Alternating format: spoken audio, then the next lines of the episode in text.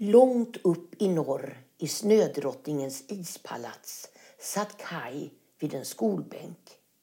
Hans blick var tom och stel och han var alldeles vit av köld. Hans hjärta hade nästan helt frusit till is.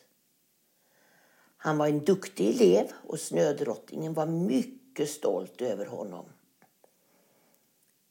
Vad lärde du dig vid din första lektion? frågade hon med en kylig stämma. Kylans överlägsenhet, svarade Kai. Du är så klok, utbrast snödrottningen. Så vis, så skärpt. Håll huvudet kallt. Ha is i magen. Det ska göra dig gott. Jag behöver inga vänner, svarade han. Jag bryr mig inte om kärlek. Glädje rör mig inte i ryggen. Snödrottningen gav Kai ett gnistrande leende. Hon visste inte till sig av stolthet. Hon beslutade sig för att det var dags att ge honom en sista prövning för att bevisa sin värdighet som hennes kronprins och arvtagare. I den förtrollade trädgården låg Gerda och sov i djup dvala.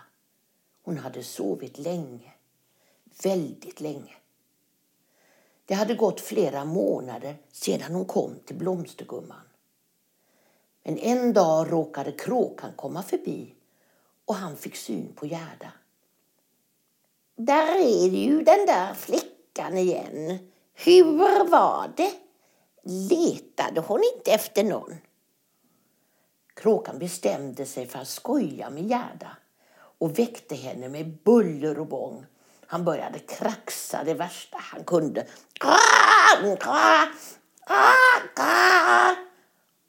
Hörde du, jag trodde att du hade bråttom, ropade han. Gerda tittade sig yrvaket omkring. Hade hon sovit? Hon var omgiven av rosor. Och när hon lyssnade riktigt noga så tyckte hon att hon hörde viskande röster. Det var rosorna som talade. Du har varit här en lång tid. Blomstergumman har förtrollat dig. Men ute är det redan höst. Gerda tittade på rosorna och så mindes hon plötsligt rosor. Vi odlade rosor hemma med Kaj. Och Kaj! Nej, men nu minns jag. Rosorna kunde berätta för Gerda att Kaj fortfarande levde men att han var i fara. De visste också att han var fången i ett magnifikt palats. Med ens var Gerda klarvaken. Hur hade hon kunnat glömma? Kai var i fara och hon måste resa vidare för att leta efter honom. Hon reste sig upp och började gå mot grinden. Men blomstergumman såg vad som hände. Hon sprang efter Gerda och grep tag i henne och skrek att hon skulle stanna. Kråkan kom till undsättning. Han tog Gerdas hand och slet henne ur blomstergummans grepp. Ah! Tillsammans så sprang de det fortaste de kunde mot grinden. Med ens var de ute. Blommorna hade haft rätt. Gerda hade varit så länge hos blomstergumman att det hade blivit höst. Snödrottningens undervisning hade gjort Kai känslokall och likgiltig precis som hon ville.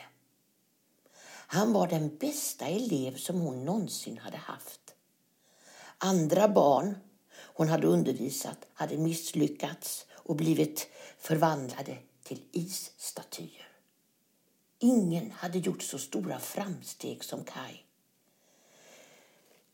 Precis så som Gerda hade glömt honom när hon låg i dvala i blomstergummans förtrollade trädgård hade Kai nästan helt glömt bort Gerda.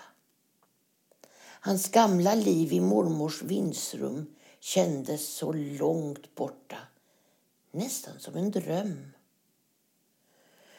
Nu var det dags för Kai att få en sista prövning för att bevisa sin värdighet som snödrottningens arvprins. Hon pekade på en stor spegel och sa Kai, i spegeln så ser du din framtid. Och bara du har makten att förändra det som sker. I isspegeln såg Kai en hemsk syn. Han såg Gerda, ensam och vilse, irra runt i en mörk skog. Hon letade efter honom och hon var väldigt rädd. Han hörde också hur hon ropade på honom. Hon ropade på hjälp. Kai stod blickstilla och tittade in i den stora magiska isspegeln. I den kunde han se Gerda, rädd och ensam i skogen. Ur skuggorna runt henne så kröp det märkliga, mardrömslika varelser fram. Mörka, otäcka demoner. De kröp närmare och närmare Gerda och plötsligt gick de till attack. Medan Kai såg allt detta så smög snödrottningen fram och satte ett svärd i hans hand. Och så viskade hon. Rädda henne, Kai. Hjälp henne. Skynda dig. Kai han höjde svärdet men blev sen alldeles stilla. Han sa om Gerda dör spelar ingen roll. Jag behöver inte något svärd. I samma stund så försvann visionen i spegeln. Snödrottningen gladdes mycket åt Kais likgiltighet. Andra hade veknat och gråtit bittra tårar, sa hon till honom. Men inte du. Du rör inte en min och blir inte det minsta störd. Som belöning blir du nu min prins och får härska i mitt rike. Det som Kai såg i den magiska spegeln hände förstås inte på riktigt. Gerda var visserligen i en skog men några demoner syntes inte till. Istället hade hon sällskap av den snälla kråkan. Gerda funderade på vad rosorna hade sagt. Att Kai var fången i ett magiskt slott. Vad kunde det vara? Vad kunde det vara?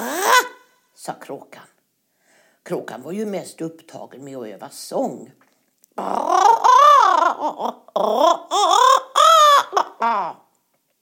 Det lät fruktansvärt kaxigt och illa. Plötsligt så avbröt han sig. Drottningens slott, såklart!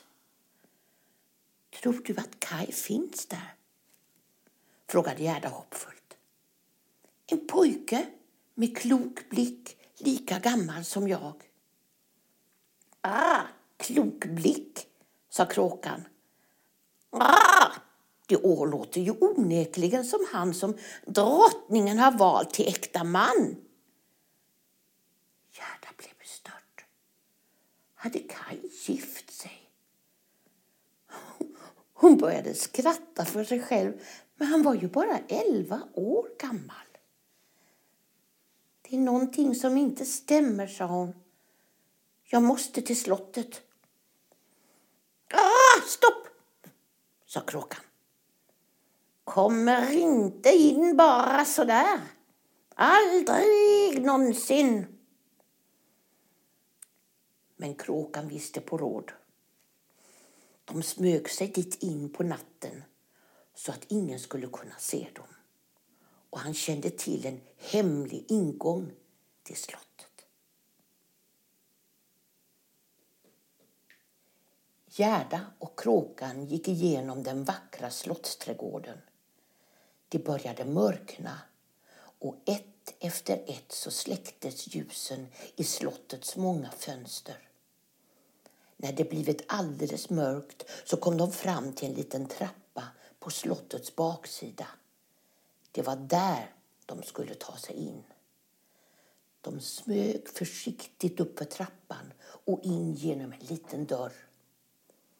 Kråkan visade vägen in till den praktfulla sängkammaren där prinsen och prinsessan låg och sov.